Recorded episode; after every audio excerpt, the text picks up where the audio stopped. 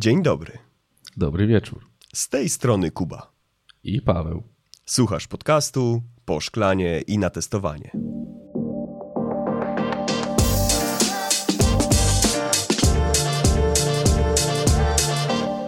Zaczniemy od tego, że e, na, na, należą Wam się słowa wyjaśnienia odnośnie tego, dlaczego to jest sezon drugi.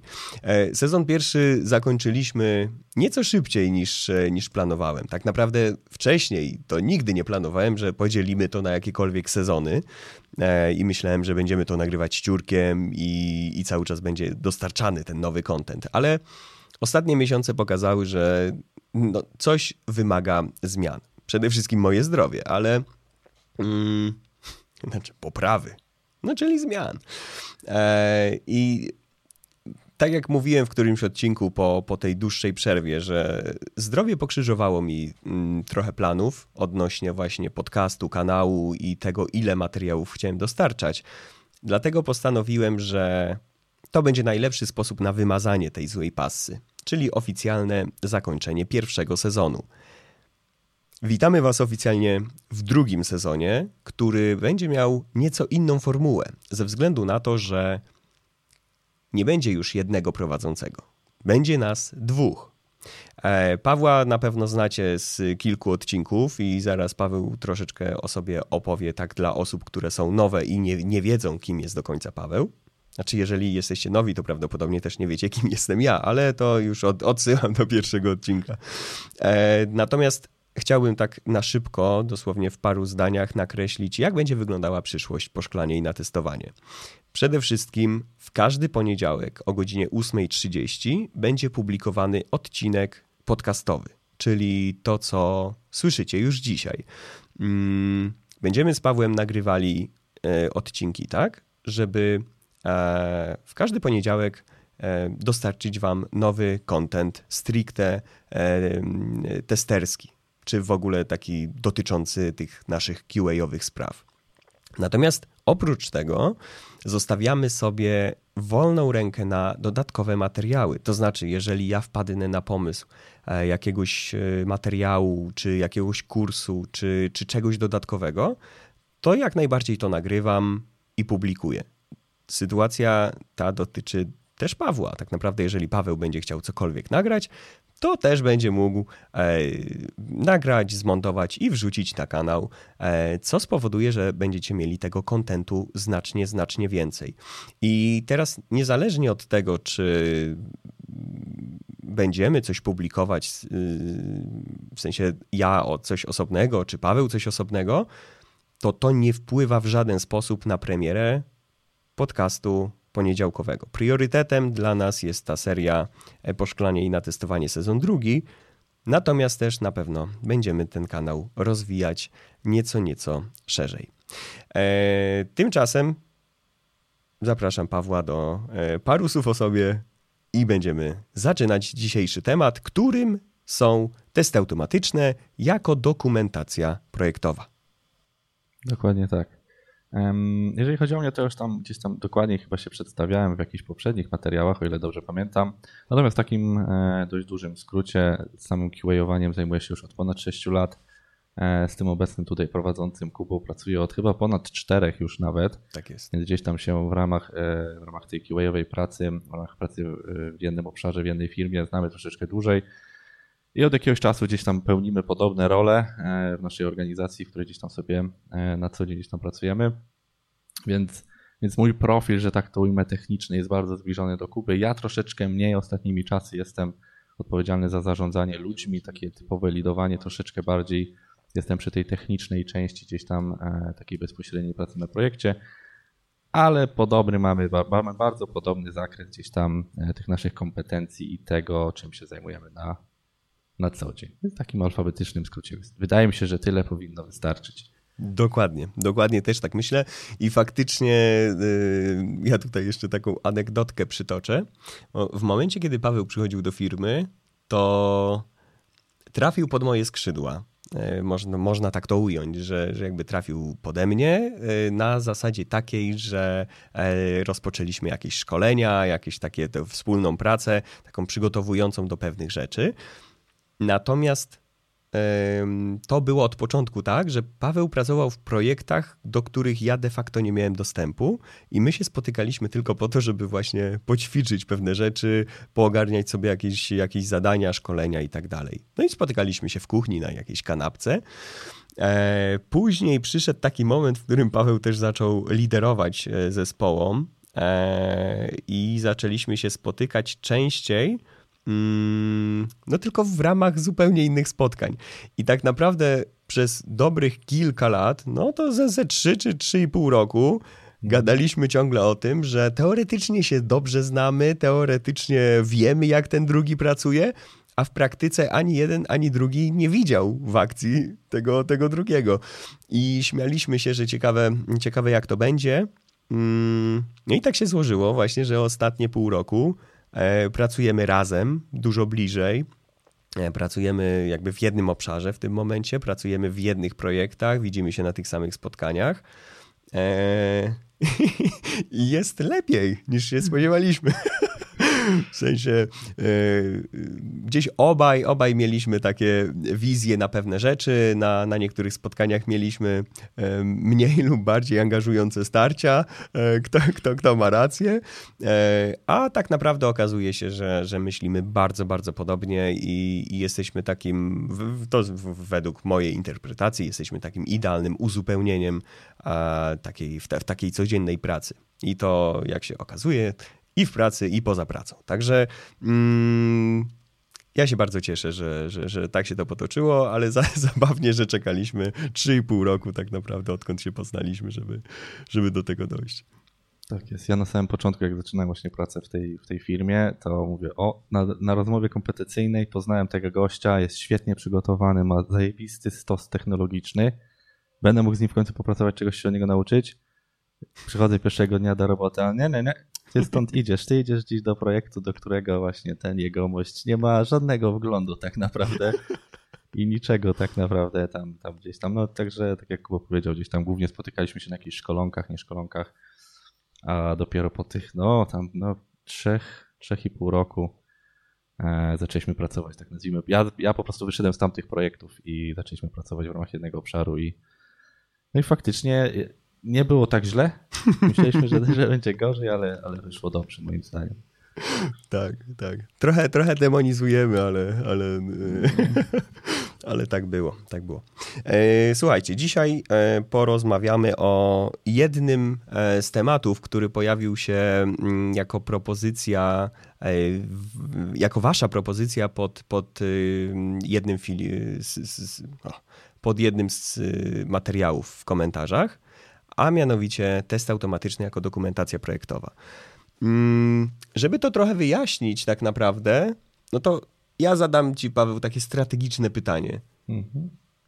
Jak często spotykałeś projekty, w których była perfekcyjnie napisana dokumentacja i poprzez perfekcyjna rozumiem taką sytuację, gdzie wchodzisz do projektu nawet, który trwa i jesteś w stanie bez pytań ludzi otrzymać prostą informację z dokumentacji, jakie są wymagania, jaki jest aktualny stan, yy, jakie są wszystkie decyzje, które były podejmowane w projekcie, które impaktują na to, jak się pracuje i tak dalej, i tak dalej.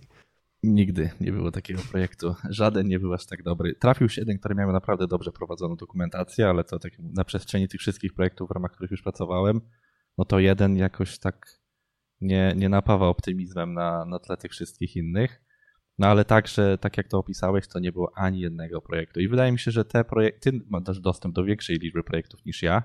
I coś tak czuję, że w tych pozostałych projektach, w których gdzieś tam e, jakieś swoje obowiązki pełnisz, to też takiej dokumentacji raczej nie widziałeś. Kiedyś była taka, e, taka dokumentacja w jednym z projektów, e, który prowadził PM Piotrek, którego serdecznie pozdrawiam, który ściągnął mnie do, e, do Makolabu właśnie. To była jego, jego zasługa, że tutaj złożyłem CV. Mm, I tam faktycznie, jeżeli chodzi o wymagania klienta, e, funkcjonalne, niefunkcjonalne i biznesowe, były naprawdę świetnie prowadzone i przede wszystkim śledzone i aktualizowane. Tam po każdej rozmowie z klientem był update odpowiednich stron na Conflu i, i to było e, aktualizowane. Każdy na bieżąco wiedział, jaka powiedzmy, jaki jest zakres funkcjonalności i tych wymagań niefunkcjonalnych e, w danym momencie w aktualnej sytuacji projektowej. Natomiast to nadal jest tylko taki powiedzmy wycinek tej dokumentacji, która mówi o tym, co i jak aplikacja ma robić. Natomiast poprzez dokumentację oczywiście rozumiemy dużo więcej rzeczy. Eee, oczywiście, jeżeli to już jest, to jest naprawdę bardzo dużo. I odpowiadając na Twoje pytanie, tak, dosłownie na palcach jednej ręki jestem w stanie policzyć projekty przez całe swoje życie, przy których pracowałem, które miały dokumentację na takim poziomie, że naprawdę można się było tym chwalić, że zobaczcie, tutaj wejdziecie, to nie ma się do czego przyczepić. Mm, oczywiście to nie jest tak, że mm, uważam, że każdy projekt jest w stanie tak dokumentację prowadzić, bo to jest bardzo czasochłonne. I nawet jakbym ci teraz powiedział, Paweł, że w tych projektach, w których pracujesz, masz trzymać dokumentację na takim poziomie, masz dbać o to. No to jest niewykonalne tak naprawdę. Nie, nie, da się, nie dałoby się tego zrobić. Po prostu na, mi się wydaje, że to też e, dużo zależy od wielkości projektu, tak? No bo jeżeli robimy coś relatywnie małego, to łatwiej jest nad tym gdzieś tam zapanować. Natomiast jeżeli mamy jakiś tam już duży dość zespół, dowozimy wiele tematów równolegle, to żeby je dowozić szybko, nie jesteśmy w stanie cały czas pilnować tej dokumentacji. Oczywiście jakieś tam podstawowe zakresy, e, specyfikacje gdzieś tam sobie powinniśmy trzymać, no bo inaczej nawet gdzieś tam e, między ludźmi, między członkami zespołu nie bylibyśmy się w stanie dogadać. Natomiast jak już potem, powiedzmy, wydewelopowaliśmy jakąś funkcjonalność, ona za kilka miesięcy dochodzi do jakiejś zmiany delikatnej nawet w niej, to dość często to już nie jest tak dobrze pilnowane, tak? Po prostu gdzieś tam mhm. trzymamy to w jakichś innych miejscach, to się przestaje ze sobą spinać. No i du, naprawdę duży, duży nakład czasu musielibyśmy poświęcać na to, żeby to jednak było spójne na, w czasie jakby całego trwania projektu, tak? Tak, tutaj, tutaj przede wszystkim największym wyzwaniem jest utrzymywanie zmian, bo myślę, że jeżeli mielibyśmy przed sobą ćwiczenie na zasadzie przygotuj dokumentację projektową tak, żeby można było wystartować bez żadnych pytań, to naprawdę każdy byłby, no może, no nie, no to oczywiście nie każdy, tak, nie, nie, nie, nie, nie, nie, nie róbmy też jakby takiej, mm, jakby nie zbierajmy wszystkich do, do, do, do tego wora, ale faktycznie uogólniając, bardzo duża część projektów byłaby w stanie zaprezentować taki dokument na samym początku, gdzie faktycznie byś był w stanie po samym przeczytaniu dokumentu mhm. usiąść i zacząć dewelopować. Harmider zaczyna się dopiero wtedy, jak klient się odpala, że tak powiem. Im więcej będzie chciał zmian, im więcej rzeczy będzie odbijał, im więcej rzeczy będzie wymyślał w trakcie trwania projektu, tym większa szansa, że po prostu te dokumenty nie zostaną utrzymane aktualne. Ja pracowałem wcześniej w game devie i tam też bardzo często, to w starych czasach, teraz, teraz chyba to też dużo bardziej zwinnie jest e, traktowane, chociaż e, na rozmowie z Andrzejem Koloską e, w ósmym odcinku chyba mm, też przytoczył to, że jednak ta dokumentacja dalej się gdzieś tam tworzy, no ale też się śmialiśmy z tego, że ona się bardzo szybko dezaktualizuje. I tam się to nazywało Game Design Document i faktycznie przez wiele tygodni piszesz taki wielki dokument, który ma w setkach stron bardzo często. No i super, do pewnego momentu to jest aktualne, później już nie jest aktualne, a nikt tego nie poprawia, bo po prostu tyle miejsc i, tyle stron trzeba było poprawić, że to by się zdezaktualizowało bardzo szybko. I tutaj w IT jakby jest dokładnie ten sam case. E, Im więcej zmian, im więcej e, rzeczy gdzieś tam się pojawia, modyfikuje, tym ta dokumentacja traci na ważności. Dużo łatwiej jest tą dokumentację utrzymać powiedzmy w formie user story, gdzie po prostu każda zmiana, każda powiedzmy funkcjonalność jest opisywana jako nowa historyjka, ale nadal mm, mamy dwa problemy wtedy. Po pierwsze, no, czy pewnie więcej, ale dwa takie, które widzę teraz już jako, jako główne. Po pierwsze, dokumentacja wtedy dotyczy konkretnej funkcjonalności, którą masz wydevelopować w, jakby w skopie tego zadania. Mhm. I okej, okay, to jest niby w porządku, natomiast nie masz tego big picture aplikacji.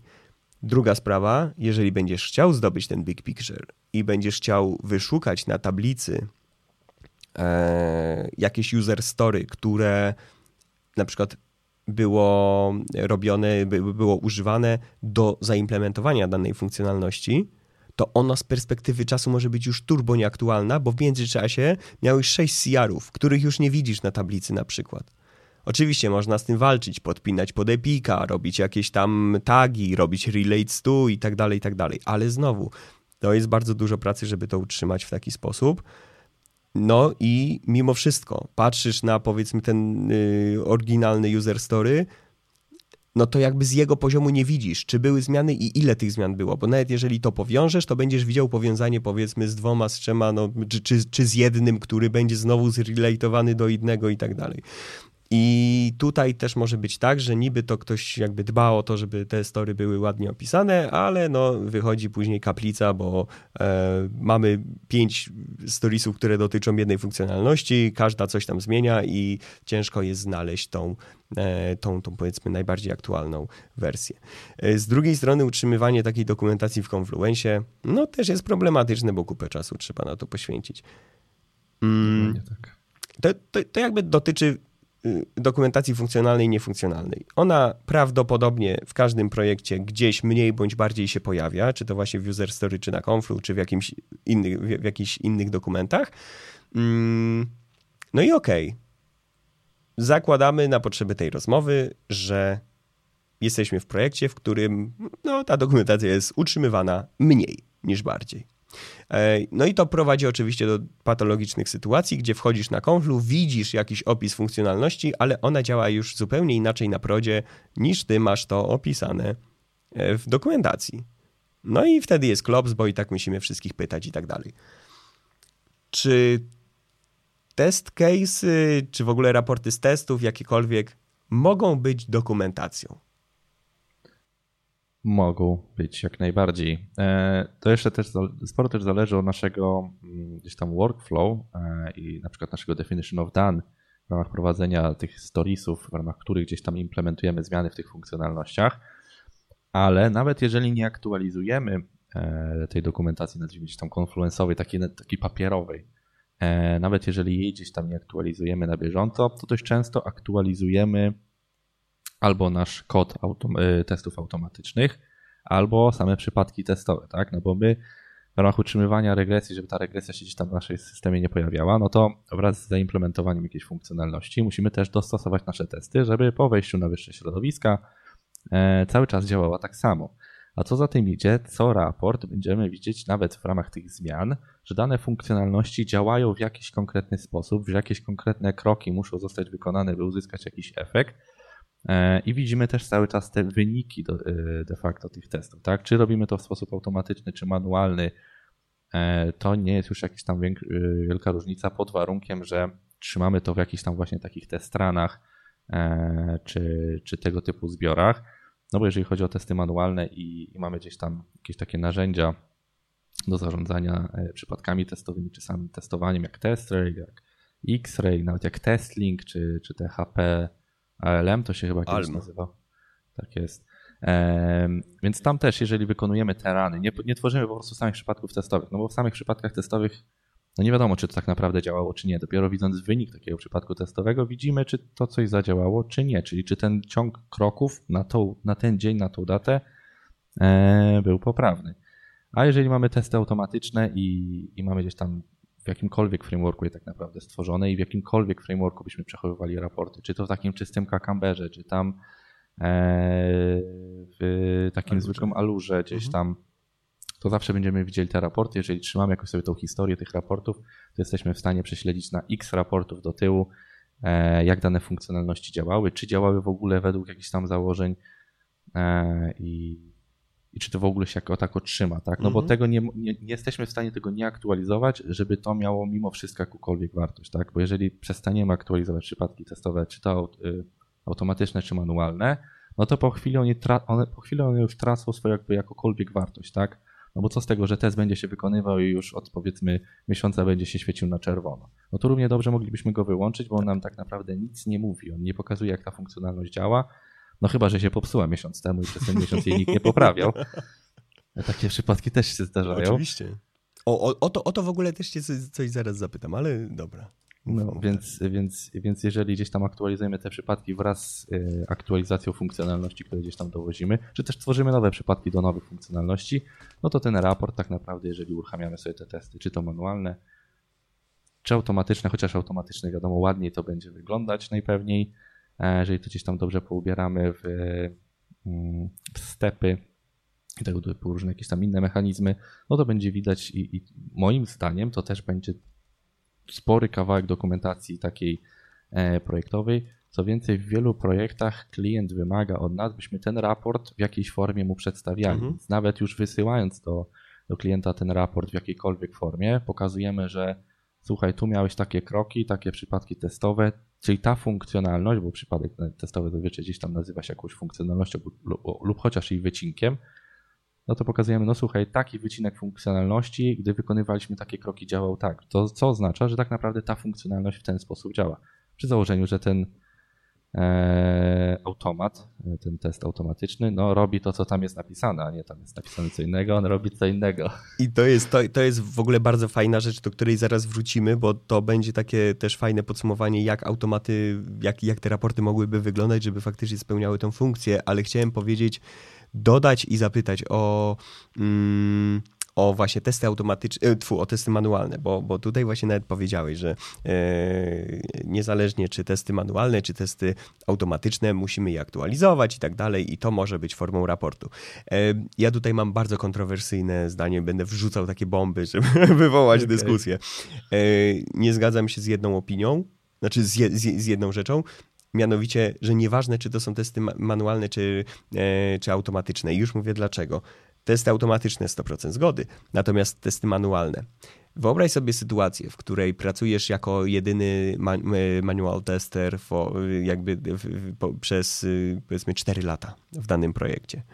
Masz przypadki testowe, spisane w test railu, robisz sobie test rany i masz na przykład test case, no i wiadomo, po jakimś czasie twoje um, uruchamianie tych testów nie opiera się o to, że ty teraz będziesz czytał każdy krok testowy, tylko masz tytuł test case'a. Tworzenie konta użytkownika. Sprawdź, czy to działa. Budujesz rana, w którym masz przypadek testowy, stwórz użytkownika. I ty w tym momencie siadasz, tworzysz użytkownika według zmian, które się potoczyły przez ostatnie 3 lata, bo to bo znasz to, codziennie to widzisz, codziennie klikasz jest spora szansa, że takiego przypadku testowego nie zaktualizujesz. Oczywiście dobrą praktyką jest przy każdej zmianie zajrzeć do test traila, wszystkie przypadki testowe, które są powiązane z danym zadaniem, zaktualizować. Mm, no dam sobie rękę uciąć, że nie, nie zaktualizujesz wszystkich przypadków testowych. Ja też oczywiście biję się w pierś, ja też tego nie robię.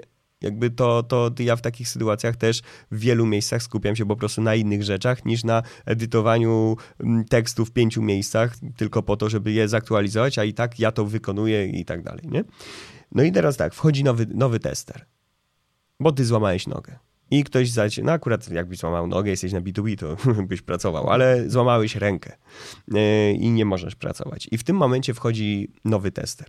Zajebiście, masz super opisane przypadki testowe, masz mnóstwo tych przypadków testowych. On sobie siada, mówi dobra, dokumentacji jako takiej nie widzę, ale mamy super przypadki testowe.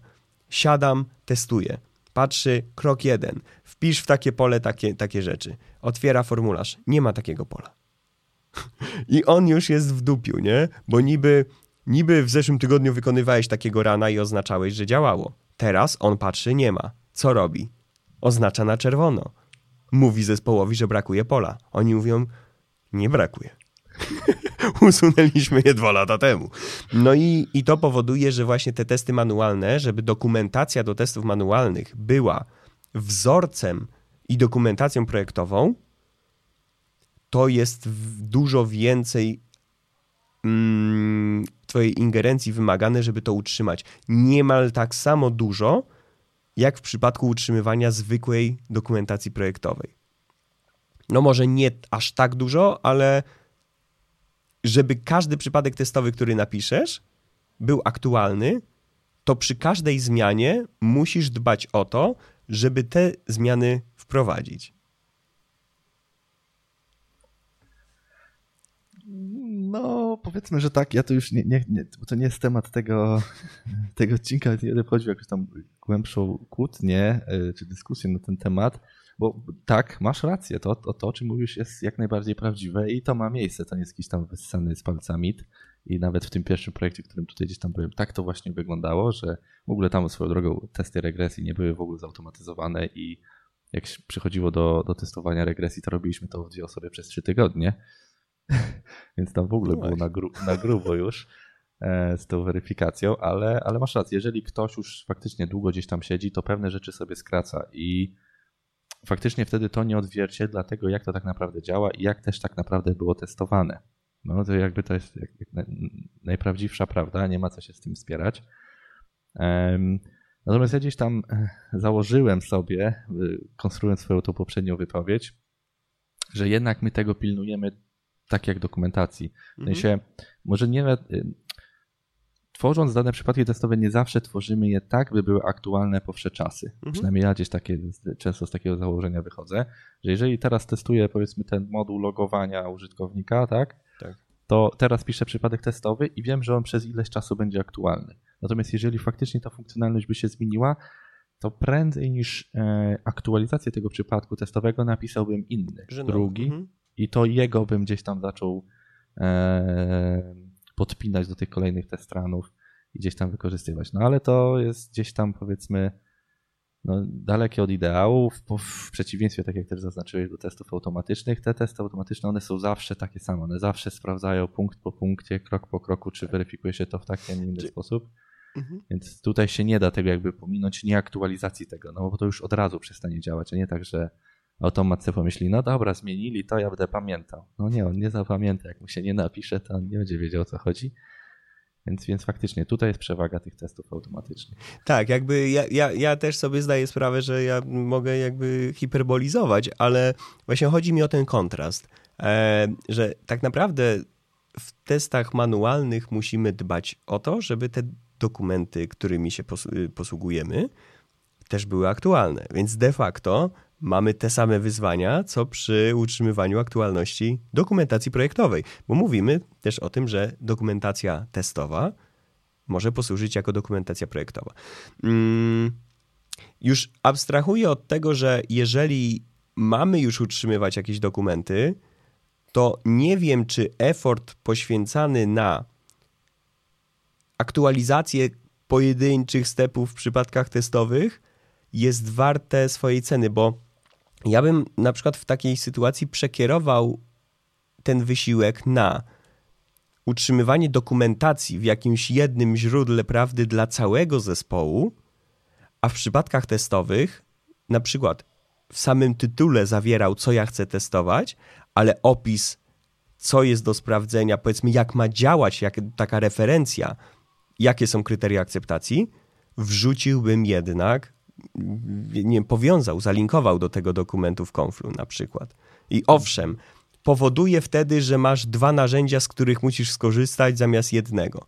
Ale plusy, no to to jest dla nas jest jedno kliknięcie więcej, tak? Mhm. Mamy duże monitory teraz, można sobie ułożyć dokumentację tu, a test Raila tu.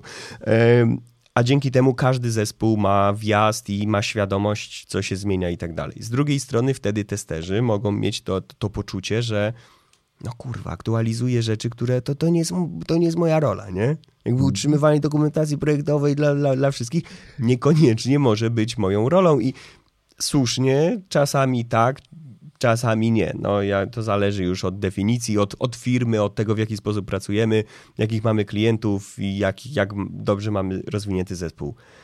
Natomiast tak, jakby przechodząc do tego powiedzmy głównego wątku, który, który już został bardzo dobrze przez ciebie poruszony, to najlepszym kandydatem z mojej, wnioskuję też, że z twojej perspektywy, jako dokumentację projektową e, możemy wykorzystać właśnie testy automatyczne.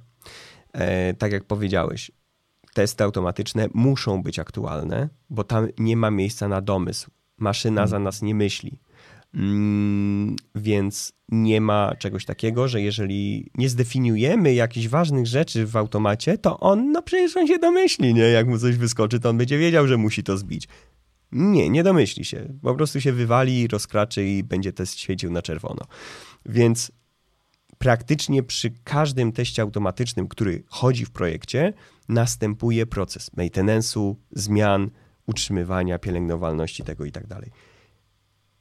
Nie ma sytuacji, w której uruchamiamy automaty, one są na zielono, a w międzyczasie zmieni się funkcjonalność i one są dalej na zielono. No, inaczej, może być taka sytuacja, to znaczy, że mamy kijowo napisany test, a na pewno jego walidację.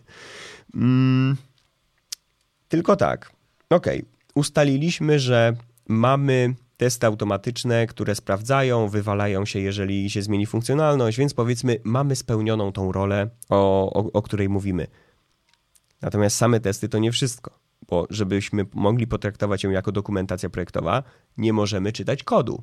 No bo mhm. przecież są programiści, znaczy są, są osoby inne niż programiści, testerzy automatyzujący, którzy niekoniecznie kod będą rozumieć. Bo na upartego, jakbym ci powiedział, stary, jest dużo testów automatycznych, ale nie mam podpiętego re reportera żadnego, ale umiesz programować, to sobie wejdziesz i na dobrą sprawę każdą klasę testową mo możesz przeczytać. Będzie to uciążliwe, ale możesz przeczytać i wyciągniesz z tego naprawdę sporo informacji. Natomiast musimy też zadbać o ludzi nietechnicznych, o ludzi, którzy będą te raporty czytać, menadżerów, klienta, osoby wdrażające się, osoby mm, zajmujące się tylko testami manualnymi, nie, nie potrafiący automatyzować i tak dalej. Czyli punkt pierwszy, żeby spełnić test automatyczny jako dokumentację projektową, musimy zadbać o to, żeby podpiąć do projektu jakiś reporter. Czy to będzie Alur, tak jak mówiłeś, czy Cucumber, to nie, nie, nieistotne. To, co na pewno musimy jeszcze tutaj zrobić, to zadbać o czytelność tego raportu. I ja tutaj bardzo polecam takie ćwiczenie pod tytułem e, spróbuję przeczytać ten raport jako osoba, która nie wie nic o projekcie. I to nawet jak jesteście doświadczeni, jak piszecie sobie testy, to zadbajcie o wygląd tego raportu, tak żeby osoba, która nie wie nic o tym projekcie, powiedzmy, oczywiście nie zawsze się to da, ale wiadomo, mm, jak pracujecie w danym projekcie, to możecie wiedzieć po prostu, gdzie jest ta granica. Ale jeżeli osoba, która nie ma wiedzy o danym projekcie, przeczyta wasz raport i będzie wiedziała, co się dzieje w środku, no to to już jest nasz sukces. Tak? To znaczy, że ten raport jest mega, mega przydatny. Chodzi o to, żeby test faktycznie opisywał to, co robi i żeby ludzie, którzy czytają raport, wiedzieli, co się dzieje. Co jeszcze powinniśmy ogarnąć w takim raporcie testów automatycznych, żeby można było śmiało potraktować go jako dokumentację projektową? No, to jest dobre pytanie. To jest poza tymi dwiema najważniejszymi rzeczami, które wymieniłeś. Czy coś tam jeszcze by było potrzebne? Hmm. Żeby go traktować jako bezpośrednią dokumentację, on musi chyba grubiej zastanowić. No bo sam fakt, e, żeby on był czytelny i żeby tam były wszystkie kroki, opisywały to, co i jak się dzieje, no to jest jakby podstawa tego, żeby ktoś to mógł czytać gdzieś tam spoza, mm -hmm. nazwijmy, tych technicznego grona, no to jest podstawa.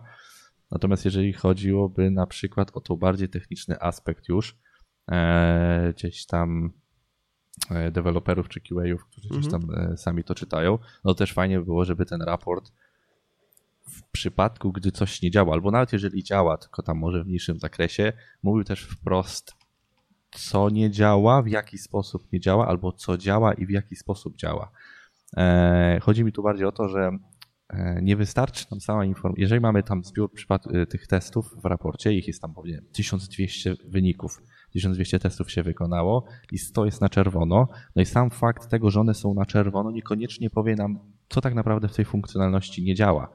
Więc dobrą praktyką jest też do tych raportów załączać bezpośrednio przyczynę tego błędu, tak bardzo, jak jest, tak szczegółowo, jak jesteśmy w stanie to zrobić. Bo wiadomo, Gdzieś tam możemy po prostu na, na odpowiedź z API e, dostać 500 i tyle, tak? No I, I, jakby my niewiele, niewiele więcej jesteśmy w stanie na tym etapie wyciągnąć, ale czasem jednakowoż da się mm, gdzieś tam tak pokonstruować te logi, pozestawiać pewne dane, na przykład zestawy, którymi my strzelamy w te endpointy, e, i tym, co nam bezpośrednio zwraca w jakiś tam powiedzmy taki bardziej szczegółowy sposób ten backend, e, to API, jesteśmy w stanie już na tym etapie wychwycić i potem jasno to przekazać do deweloperów bez jakiegoś tam większego e, dodatkowego rzeźbienia manualnego, dlaczego to tak, a nie inaczej działa, przekazać im tą informację, słuchajcie, mamy taki test, on ten, testuje ten endpoint, strzelamy takim zestawem danych z takimi headerami, paramami i tak dalej, i tak. E, no i wy nam zwracacie 500, mimo iż powinniście zwrócić 200, a przynajmniej tak było powiedzmy dwa tygodnie temu albo tydzień temu, bo mamy coś już tam to w tej historii wywołań. Więc o, w sumie też historia wywołań też jest fajną rzeczą w takich raportach, jeżeli mamy taki dobry agregator jak na przykład Alur, tego wcale gdzieś jakoś tam nie reklamuję, ale on akurat posiadał taką funkcjonalność, e, że widzimy sobie też tą bezpośrednio historię wywołań. No i jeżeli gromadzimy te raporty w czasie, Czyli nie jest to dla nas taki jednorazowy strzał, bo czasem też takie się zdarzają. Czas, czasami też raport, który też jest de facto dokumentacją, jest takim jednorazowym strzałem, powiedzmy na zakończenie jakiegoś małego projektu, klient sobie życzy raporcik, my mu wyrzucamy, do widzenia, dziękuję, tyle, tyle nas widzieliście, wszystko na zielono, połowa pomalowana, ale to już inna kwestia. E, więc jeżeli prowadzimy gdzieś tam taki dłuższy projekt i te testy wykonujemy sobie w trybie ciągłym, powiedzmy codziennie, czy tam co jakiś interwał czasu, no to jak widzimy tą historię, to też mamy jakoś tam e, taki nawet dokument, to po pierwsze, a po drugie e, mamy taki mm, jak to, jak to po polsku powiedzieć, taki proof, taki mm, dowód. Taki dowód na to, że to działało do pewnego momentu i nagle przestało. Tak. I możemy udowodnić, że okej, okay, my w tym czasie gdzieś tam powiedzmy automatu nie zmienialiśmy, ale zmienił się w tym czasie kod. No i jeżeli mamy ten interwał czasowy, tą przestrzeń, no to słuchajcie, między tą godziną a tą godziną zmienił się wynik naszego czasu. Weźcie, spójrzcie, to tutaj pytanie do deweloperów, co się zmieniło w tym mhm. czasie, co wrzucić na dane środowisko, żeby to gdzieś tam e, wychwycić. No i wtedy faktycznie gdzieś tam e, możemy sobie to udokumentować, że tak, popsuliśmy w tym momencie tym, tą funkcjonalnością ten test, i teraz albo będziemy ją poprawiać, albo takie jest nasze gdzieś tam zamierzone działanie, a my po prostu nie zaktualizowaliśmy automatu. To jest, to jest bardzo fajny punkt pod właśnie kątem dokumentacji projektowej, bo jeżeli będziemy mieli dostęp na przykład do, do takiego trendu 30-dniowego i zobaczymy, że w 14 dniu coś się wykrzaczyło i później się to utrzymywało i nagle przychodzi do nas ktoś, mówi słuchaj, musisz zaktualizować test, to później też masz w historii ten build, który nagle zadziałał, nie? I, na, mhm. i, i tak naprawdę bardzo łatwo jest dotrzeć wtedy do tego, jak ta funkcjonalność działała, a jak działa teraz. No bo nagle patrzysz w komity, patrzysz w, mm, w ogóle w sam raport, tak? Jeżeli on mhm. będzie opisany tak, jak mówimy, to zobaczymy nagle, że okej, okay, dobra, zmienił się, nie wiem, no lokator się zmienił, bo się zmieniła jakaś nazwa, to będzie bardzo mało istotna zmiana, która nas nie ten. Ale nagle może się okazać, że pomiędzy pierwszym a drugim krokiem formularza doszło, doszło jakieś dodatkowe okno z wyborem dealera w jakimś miejscu, nie? Samochodowego dealera. I to już pozwoli nam na ocenę, co faktycznie było, było do zmiany, gdzie to się zmieniło i tak dalej i jak od teraz traktować tę funkcjonalność. W sensie na przykład, wiesz, pracujemy w dwie osoby. Ja byłem na urlopie. Przychodzę, odpalam formularz, mówię, kurwa, co to jest, nie? kurwa, co to jest? Nie mam pojęcia, nie, nie, nie wiem, nie wiem. I zanim pójdę do de deweloperów, patrzę sobie w Jenkinsa na automaty. Kurczę, no przechodzą. Ciekawe. Zaglądam, ty, no normalnie jest ten krok uwzględniony i mogę sobie przejrzeć wtedy historię. No a jeżeli nie, to po prostu patrzę, co automat robi z tym krokiem, tak? I ja już łapię kontekst, po co to jest robione, co muszę podjąć, jakie akcje muszę podjąć, żeby to przejść. Ja teraz w ogóle taką y, ciekawostkę y, powiem. Robimy Mm, taki mm, formularz właśnie powiedzmy sprzedażowy online dla jednego z klientów y, brandów samochodowych, których, dla których robimy projekty. I na tym jednym markecie jest tak, że żeby dojść do powiedzmy jakiegoś ostatniego kroku, to jest no ze 4 czy 5 y, formularzy, które trzeba wypełnić. Ja to jakiś czas temu chciałem z jakiejś przyczyny manualnie sobie przeklikać. Ale po pierwsze, że nie testuję w tym projekcie na co dzień, po drugie, chyba nigdy w tym projekcie nie testowałem tak y, de facto jako, jako osoba, na pewno nie tego marketu. Mm, nie miałem bladego pojęcia, jakie dane tam muszę wpisać, jakie są zależności, kiedy mi się pojawi ten dodatkowy formularz i tak dalej. A potrzebowałem tego, bo widziałem jakiegoś screena gdzieś na czacie, który mi zupełnie nie pasował. Chciałem na żywo zobaczyć, jak wygląda ta rzecz. Mm, zamiast zajmować komukolwiek czas, ciągnąć go za rękaw, ej, ej, a jakie tu dane muszę wpisać, bo ze względu na to, że tam są cztery czy, czy, czy pięć e, stron formularzy, no to mówię bez sensu, żebym komuś teraz zajmował czas, żeby tylko zaspokoić moje no z, nie zmysły, tylko, tylko wiesz, zaspokoić swoją ciekawość. Mhm. E, zajrzałem w automaty. A tak naprawdę w raport. Nie w y, kod, tylko w raport. I tak naprawdę z logów, z tego co tam załączamy do raportu, wyciągnąłem, jakie dokładnie dane są wypełniane. I na przykład z samego tego wiedziałem, że żeby pojawiło się jakieś dodatkowe pole, wystarczy, że wpiszę, że tam, nie wiem, mieszkam mniej niż 3 lata, bo 2 lata i 11 miesięcy już powodowały, że pojawia się nowe pole. W innym teście były 3 lata i już tego pola nie było. I to mi pozwoliło e, z samego raportu wyciągnąć te rzeczy. Jeżeli by raporty z testów automatycznych ograniczały się do e, tak, ten formularz działa, dupa. Nic bym z tego nie wyciągnął, tak? Musiałbym już iść komuś męczyć tyłek. Więc uważam, że jak najbardziej i kwestia śledzenia tych zmian, i kwestia przebiegu testu. Co do przebiegu testu, tu mam jeszcze jedną taką rzecz do dodania, którą jakby uzupełnienie tego drugiego punktu, o którym mówiliśmy, czyli jakby ta czytelność testu, mhm. jasny cel, mm, jasny wynik. Mm, tam, gdzie się da, dodawałbym do raportów, jakie zostały wykonane kroki. Bo to też nie jest jakby z paczki, że zawsze w mhm. każdym raporcie są po pokazane kroki. My akurat robimy tak, że celowo załączamy dodatkowy plik, który ma na przykład logi z tych testów. I to my jakby świadomie dodaliśmy też po to, żeby właśnie bez zaglądania do kodu móc ocenić, co się zmieniło w środku.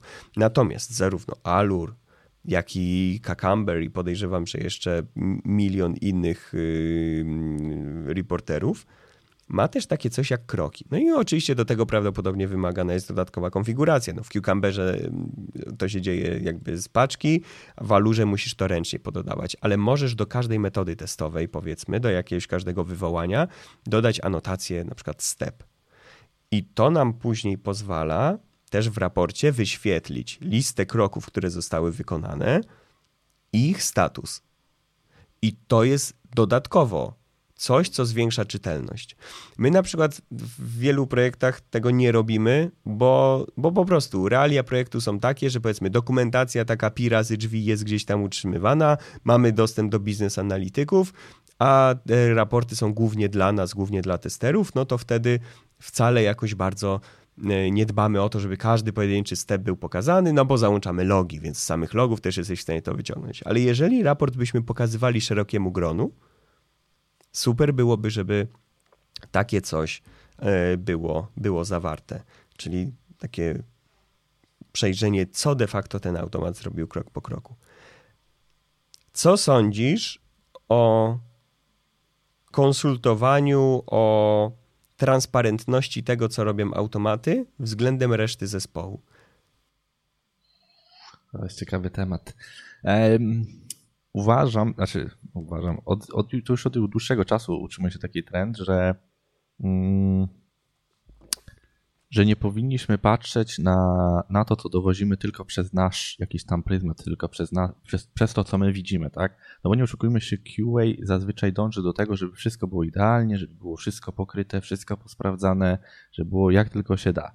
Natomiast e, coraz częściej właśnie jest ten trend, tak jak wspomniałem, gdzie, gdzie to, na co kładziemy nacisk, narzuca nam ktoś z zewnątrz. Mhm. E, I jest to gdzieś tam, powiedzmy, na najwyższym szczeblu klient, e, stakeholderzy tego klienta, jeżeli oni gdzieś tam też występują, jeżeli ten klient sam w sobie jest tylko, powiedzmy, jakąś organizacją, która udostępnia tą naszą aplikację gdzieś tam innym osobom, więc ci stakeholderzy, tudzież gdzieś tam już niżej, e, powiedzmy, ze struktur firmowych, jakiś PM, product owner, ktokolwiek, czy nawet sami gdzieś tam biznesowi nasi analitycy wewnątrz, oni już też gdzieś tam są w stanie nam powiedzieć, że słuchajcie, będziemy wdrażać coś, trzeba to pokryć automatami, ale jest to funkcjonalność, która gdzieś tam będzie korzystać z niej tam pięć osób na krzyż w ciągu roku, więc sprawdzajmy tylko, czy to się świeci, czy działa, a takiej do jakiejś konkretnej, e, gdzieś tam już takiej dokładnej bardzo e, opisu tego, jak to testujemy, co z tym robimy, że tych wszystkich kroków tam nie pokrywajmy tego, bo to nie ma sensu, więcej to będzie nas kosztować,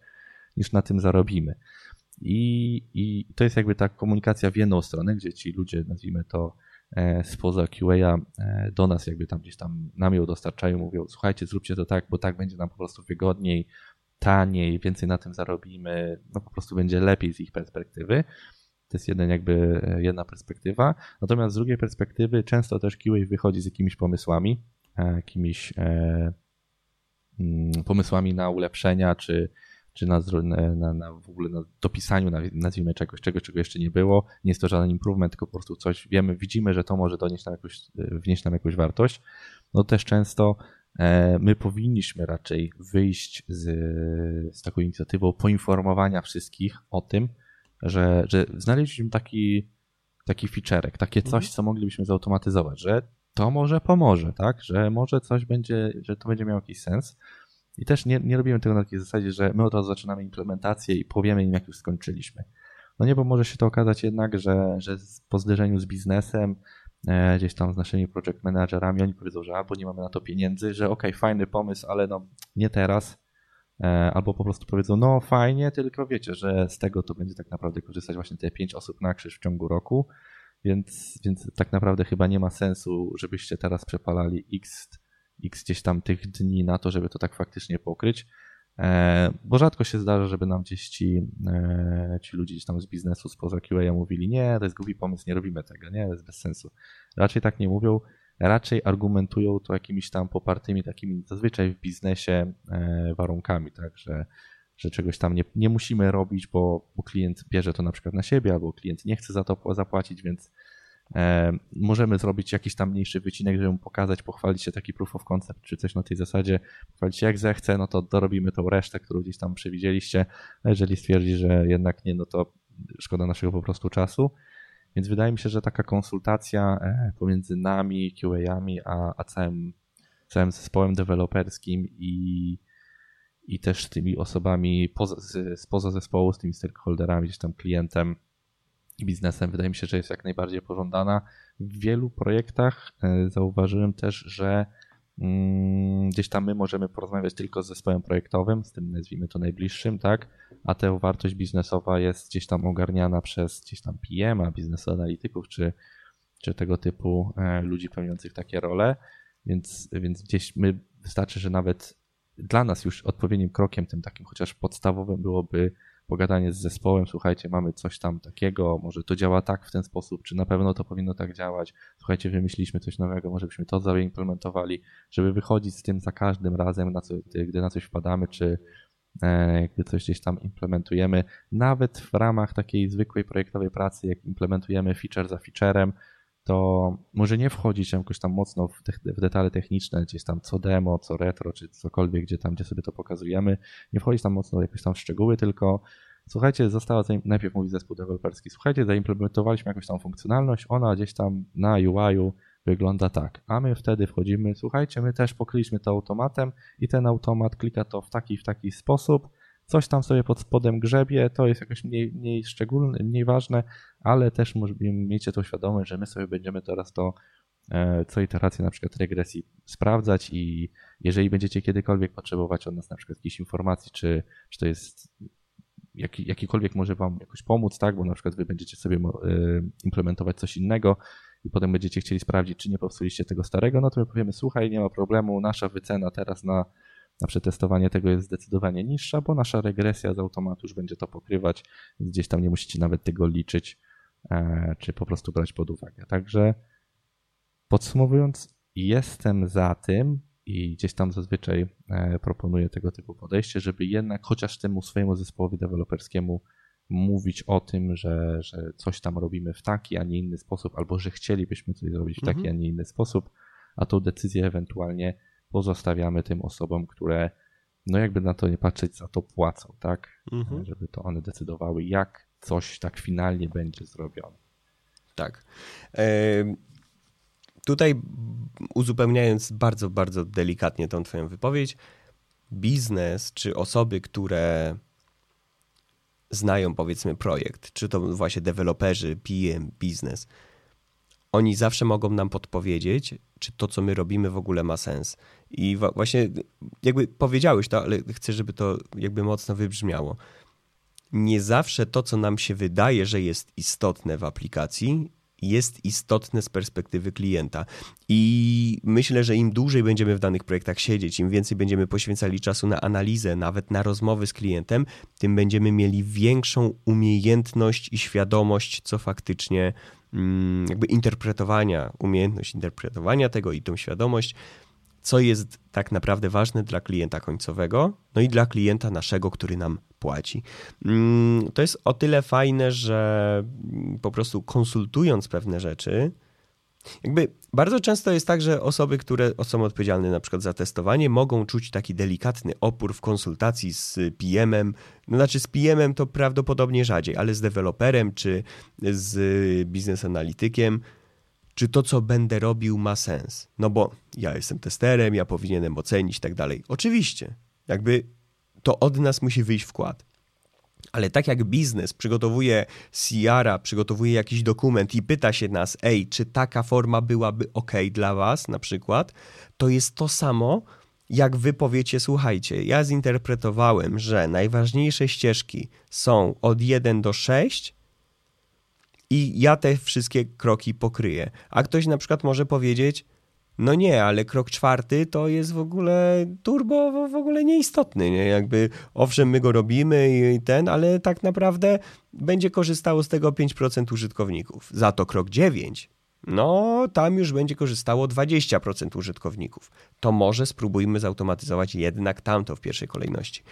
Mm, to raz, a dwa, zawsze biznes analityk na przykład, który ma do czynienia z klientem, może nam podpowiedzieć w jaki sposób klient przy testach ułatowych na przykład klika w tą aplikację, że będziemy wiedzieć bardziej, jak to wygląda po stronie e, użytkownika, który będzie z tego korzystał. To jest bardzo podobne jak playtesty w game devie. Projektujesz sobie Y, poziom, projektujesz mechanikę, masz w głowie, jak ludzie z tego będą korzystać, organizujesz playtesty, przychodzi 12 osób, trzy osoby korzystają z tego tak, jak ty myślałeś. Cała reszta korzysta w ogóle zupełnie inaczej, nie ogarnia połowy rzeczy, które ty zaimplementowałeś. I to nie jest sygnał, że ci ludzie są głupi. To jest sygnał, że twoja mechanika, to co zrobiłeś, nie jest intuicyjne. I tak samo może być tutaj tak jak deweloper może popełnić błąd y, podczas interpretacji wymagań, tak samo my możemy popełnić błąd przy interpretacji wymagań. Możemy czegoś nie zauważyć, możemy czegoś nie zrozumieć, bo to też jest normalne. Jeżeli będziemy całe życie robić strony internetowe, to prawdopodobnie będziemy wszystko rozumieć. Ale jak nagle wskoczymy do projektu, y, który będzie y, tworzył mm, produkt na, na, na, na mm, urządzenia do samochodów, tak, na, ty, na, na, panele, to nagle może się okazać, że tam czegoś w ogóle, bo, bo, bo nie wiemy, tak, nie, nie, nie, zdajemy sobie sprawy z niektórych rzeczy. Więc warto tutaj mm, to konsultować. I troszeczkę zmierzając już do końca, bo tak patrzę na zegarek, ile nam tutaj y, ten odcinek zajął, a jednak mamy takie przeświadczenie tutaj z Pawłem, że nie chcemy robić odcinków na dwie godziny, tylko raczej te tematy sobie dobierać tak, żeby zmieścić się powiedzmy do tej godziny, a idealnie powiedzmy między 30 a 45 minut. Tak patrzę, że raczej przekroczymy dzisiaj trochę, ale na pewno nie poniżej godziny. Eee, co jak na pierwszy odcinek nowego sezonu jest super wynikiem według mnie, bo ja i tak mam tu już napisane tyle e, pomysłów na jakby dalsze rozwijanie, rozwijanie tematu, że moglibyśmy gadać ze dwie godziny, ale jednak dyscyplina. Dyscyplina. Sam oczekuję od ludzi dyscypliny, a u mnie jest dupa, a nie dyscyplina. Dlatego wziąłem Pawła. Podsumowując tak naprawdę ten temat nasz główny. Pierwsza rzecz, testy jak najbardziej mogą być dokumentacją projektową, z której korzysta cały zespół. Idealnie, jeżeli to będą raporty testów automatycznych, ze względu na te argumenty, które wymieniliśmy, że musi być ta aktualizacja testów, żeby one działały. Fajnie, żeby były czytelne i tak dalej. E, druga sprawa. Konsultujmy z ludźmi, którzy znają produkt, jakie są ważne ścieżki, na co będzie zwracał uwagę klient, żebyśmy faktycznie automatyzowali to, co ma sens, bo tutaj musimy mieć tą świadomość, że dokumentacja, która bazuje na testach automatycznych, nigdy, a może nie nigdy, ale zazwyczaj nie pokryje dokumentacyjnie całego projektu, bo rzadko kiedy mamy zautomatyzowane wszystko.